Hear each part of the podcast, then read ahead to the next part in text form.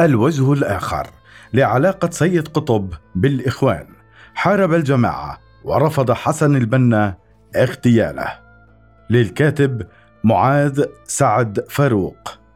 في أحد أيام عام 1943 كتب شاب يدعى سيد قطب مقالا في جريدة الأهرام المصرية حمل عنوان خواطر مصيف الشواطئ الميتة. عادته جماعة الإخوان حينها دعوة إلى التعري وهم أحد شبانها بكتابة رد عليه بنية نشره في الجريدة نفسها. إلا أن حسن البنا مؤسس الجماعة ومرشدها العام رفض الأمر فقد كان يأمل أن يرجع قطب عن أفكاره وينضم إلى الإخوان وهو ما حدث بالفعل بعد اغتياله. بعيدا عن هذا الموقف. لم تجمع البنا وقطب علاقة طيبة. في حياة الأول إذ رفض قطب نشر مقال للبنا في مجلة كان يرأس تحريرها. كما رفض دعوة أرسلها إليه من الشيخ محمد الغزالي للانضمام إلى الجماعة. دعوة صريحة إلى العري التام. قصة المقال. رواها عضو الهيئة التأسيسية لجماعة الإخوان محمود عبد الحليم في الجزء الأول من كتابه الإخوان المسلمون. أحداث صنعت التاريخ. كتب قرأت في جريدة الأهرام مقالا لسيد قطب يدعو فيه دعوة صريحة إلى العري التام وأن يعيش الناس عريانا كما ولدتهم أمهاتهم. وقد أثارني هذا المقال. إثارة لم أستطع معها أن أقاوم القلم. الذي وجد في العقل والمنطق والخلق والحياء ألف دليل ودليل يدحض هذه الدعوة. ويثبت أنها دعوة بهيمية دخيله حمل محمود عبد الحليم المقال الجديد وقصد البنا ليعرضه عليه. حملت المقال الذي كتبته وذهبت إلى الأستاذ المرشد وكنت مزمعا نشره في الأهرام مطالبا إياه بنشره في المكان نفسه الذي نشر فيه المقال المردود عليه. قرأه ثم أطرق طويلا على غير ما عودني ثم التفت إلي وقال يا محمود إن المقال متين الأسلوب قوي الحجة جدير بأن ينشر وقد سبق ان اجزت لك ما نشرته في بعض الصحف اليومية ولكن هذه المرة مرت بخاطر خواطر عدة أحب أن أعرضها عليك. الميوع على الشاطئ ليس مثيرا للشهوات. يوضح الكاتب الصحفي حلمي النمنم في مؤلفه سيد قطب سيرة التحولات الصادر عام 2014 أن المقال المذكور نشر عام 1934 حمل عنوان خواطر مصيف الشواطئ الميتة لافتا إلى أن عبد الحليم فهم منه كما فهمت الجماعة. أنه دعوة إلى العري التام وأن سيد قطب يتمنى أن يسير الناس في الشوارع عراة تماما كما ولدتهم أمهاتهم. وينفي النمنم عن قطب هذه التهمة. مؤكدا لم يكن ذلك صحيحا ولا في شيء من الصحة. كان سيد قطب دائما كاتبا محافظا. والمقال لمن يقرأه يجد أنه يأسف لأن المصايف كانت خاوية ذلك الصيف من المصيفين. ويعرض في المقال أن ارتداء المايوع على الشاطئ ليس مثيرا للشهوات كما يتصور البعض. ويعرض المؤلف جزءا من المقال على لسان قطب يقول فيه إن الذين يتصورون العري على الشاطئ في صورته البشعة الحيوانية المخيفة جدا واهمين وهم إما لم يذهبوا إلى الشاطئ ولكن قرأوا أو رأوا الصور منشورة في الصحف وإما ذهبوا وفي نيتهم أن ينتقدوا فعاشوا في هذه الصورة الخيالية المشوهة في أذهانهم ولم يعيشوا على الشاطئ والأمواج. إن صورة واحدة عارية مما ينشر في الصحف أفتن من شاطئ كامل يموج بالعاريات لأن الصورة المصغرة تثير الخيال الذي يأخذ في تكبيرها والتطلع إلى ما ورائها من حقيقة. وهذا هو الخطر. أما الجسم العاري نفسه فليس فيه ما يثير الخيال لأنه واضح مكشوف. في السياق عينه يرى عصام تليمة المحسوب على جماعة الإخوان في كتابه الخوف من حكم الإسلاميين.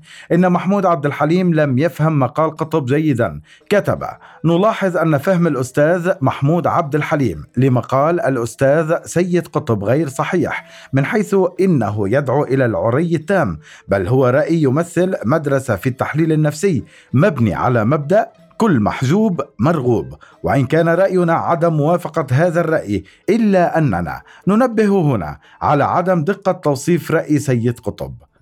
البنا لعل هذا الشاب يفيق من غفلته. بعد أن اطلع البنا على رد عبد الحليم رفض نشره وأوضح له الأسباب وراء ذلك والتي ذكرها في كتابه كما يلي. اولا لا شك في أن فكرة المقال مثيرة تجرح قلب المؤمن. ثانيا كاتب هذا المقال شاب تأثر بالبيئة التي تعرفها ونعرفها جميعا وهي التي تغذيه بمثل هذه الأفكار. ثالثا إن هدف هذا الشاب من كتابة هذا المقال ليس مجرد التعبير عما يؤمن به وإنما محاولة جذب الأنظار إليه على أساس عرفهم من أن الغاية تبرر الوسيلة. رابعا إن قراء الأهرام عدد محدود بالنسبة لسكان هذه البلاد وليس كل قراء الأهرام قرأوا هذا المقال فأكثر قرائها لا يقرؤون فيها إلا الأخبار وأكثر الذين قرأوا المقال لم يستوعبوا فكرته لأنهم اعتادوا قراءة المقالات غير الرئيسية قراءة عابرة. خامسا إذا نشرنا ردا على هذا المقال في الأهرام كانت لذلك النتيجة الآتية. ألف. سيثير نشر الرد اهتمام الذين لم يقرأوا المقال الأصلي إلى البحث عنه وقراءته. كما سيدفع الذين قرأوه قراءة عابرة إلى أن يقرأوه مرة أخرى قراءة متأنية. وستبرز بذلك فكرة المقال في مختلف المجتمعات وتكون موضوع مناقشة واهتمام. ونكون بذلك قد عملنا من حيث لا نقصد على تحقيق مأرب صاحب المقال من جذب الأنظار إليه وجعل اسمه على الألسنة. باء نكون من غير قصد. قد تسببنا في لفت الأنظار إلى لون من الرذائل. ربما علقت به بعض النفوس الضعيفة ولو لم نرد عليه لمرة الدعوة إلى هذه الرذائل في غفلة من الناس غير معارة أي اهتمام ولا طمرت في طيات النسيان. جيم الرد نوع من التحدي والتحدي يخلق في نفس المردود عليه نوعا من العناد وهذا العناد يجعله يتعصب لرأيه مهما اقتنع بخطئه ونكون بذلك قد قطعنا عليه خط الرجعة. وفي هذا خسارة نحن في غنى عنها وهذا الكاتب شاب وترك الفرصة أمامه للرجوع إلى الحق خير من إحراجه وما يدرك لعل هذا الشاب يفيق من غفلته ويفيق إلى الصواب ويكون ممن تنتفع الدعوة بجهوده في يوم من الأيام. اقتنع عبد الحليم بما قاله المرشد مؤكدا مزقت الرد بين يديه ولا داعي للإشارة إلى ما كان من أمر هذا الشاب. وما يسره الله إليه من اليسر حتى صار علما من أعلام الدعوة ثم كان من شهدائها. وإن كان شيء من نبوءة الأستاذ المرشد رحمه الله لم يتحقق في حياته. قطب يسخر من البنا. يلفت النمنم إلى أن ما يريده محمود عبد الحليم من ذكر الواقعة هو تلك النبوءة التي وضعها على لسان البنا. وما يدريك لعل هذا الشاب يفيق من غفلته وأن النبوءة تحققت بعد وفاته بعدة سنوات. وبالرغم من ذلك يرى النمنم أن هذا الموقف تعرض فيه حسن البنا لسيد قطب من خلال مقال له وهذا التعرض جاء سلبيا. سيد قطب في نظره مجرد شاب يريد لفت الأنظار إليه وإلى اسمه من خلال مقال ينطوي على فكرة مثيرة تجرح قلب المؤمن. في المقابل. يروي مؤلف سيد قطب سيرة التحولات. موقفا آخر يثبت فيه سخرية قطب من البنا. نقله على لسان الدمرداش العقالي الذي كان نائبا لرئيس حزب العمل. وقد أخبر الصحفي سليمان الحكيم به موضحا أهمية الرواية في أن صاحبها بلديات سيد قطب وأن هناك صلة مصاهرة عائلية بينهما. ومن ثم فهو يتحدث عن أمر عاشه ويعرف تفاصيله. وتقول الرواية كما نقلها النمنم إن أحمد سالم ابن أخت سيد قطب كان من الإخوان وأن قطب كان كلما زار القرية موشى كان يلتقي ابن أخته ومعه عددا من إخوانه أتباع حسن البنا وأن قطب كان يتعمد انتقاد حسن البنا أمامهم وأنه سمعه ذات مرة يسأل أحمد سالم ماذا فعل بك حسن البنا مؤسس الإخوان وحسن الصباح مؤسس الحشاشين؟ قطب يرفض نشر مقال للبنا. لم يتوقف الأمر عند هذا الحد في علاقة قطب بالبنا بل وصل إلى الرفض الأول نشر رسالة للأخير ودعوة إلى دخول جماعته. يذكر الباحث شريف يونس في مؤلفه سيد قطب الأصولية الإسلامية الصادر عام 1995 بعد حديث تليفوني أجراه مع الشيخ محمد الغزالي أنه كان إصدار مجلة الفكر الجديد ذات الاتجاه الإسلامي اليساري عام 1948 ترأس قطب تحريرها مناسبة لتحول عدم الثقة إلى العداء فرغم أنها قد صدرت بتمويل من محمد حلمي المناوي عضو تنظيم الإخوان. فقد رفض سيد قطب نشر رسالة لحسن البنا تشيد باتجاه المجلة ورفض عرض الشيخ الغزالي للالتحاق بالإخوان. فعمل حسن البنا على خنق المجلة رفضا منه لوجود منبر للإسلام السياسي المستقل عنه. فقاطع الإخوان المجلة وكذلك شركة الإعلانات العربية التابعة لها فأفلست. هذه الواقعة أشار إليها أيضا علي العميم. في تحقيقه وتقديمه لكتاب رجل المخابرات البريطانية هوارز دان الاتجاهات الدينية والسياسية في مصر الحديثة ترجمة أحمد الشنبري والصادر عن دار الجداول للنشر في بيروت عام 2013 بقوله المستشرق البريطاني ورجل الاستخبارات أي هيوارس دان تعرف إلى سيد قطب أوساط الأربعينيات وكان وقتها ناقدا ادبيا وذا ميول إسلامي مستقله وهناك إشارة إلى نفور قطب من حسن البنا والإخوان رغم محاولات الأول التقرب منه خاصة بعد إصدار مجلته الفكر الجديد عام 1948 التي كان يمولها الحاج محمد حلمي المناوي وهو من كبار الإخوان. مؤكدا ولأن قطب رفض التقارب فقد ضايقه البنا في الإعلانات والاشتراكات وتوقفت المجلة بسبب قانون الطوارئ عام 1949 الحبر الأعظم ومسيلم الكذاب. يوضح النمنم أن قطب كان ينشر مقالات في مجلة الفكر الجديد يدعو فيها إلى الإصلاح الاجتماعي مستندا إلى دعائم إسلامية بدلا من الدعوة في الإصلاح وفق المبادئ المركزية التي يتبناها البعض. وكان الغزالي من بين كتاب المجلة وكان يوثق الصلة بسيد قطب معقبا على رفض قطب نشر رسالة البنا بقوله لعله رأى في نشرها ما ينتقص من استقلاليته ويحسبه على جماعة البنا. ويرجع الشامبري في ترجمته لكتاب هيوارزدان سبب التضيق على قطب ومجلته إلى أن البنا كان إنسانا غيورا فلم يستسغ منافسة سيد قطب له في مجال الإصلاحات الاجتماعية على أسس إسلامية مؤكدا أنه كان يريد أن يكون هو الحبر الأعظم وأن لا يكون ثمة مسيلمة آخر في مصر. وهيورس دان.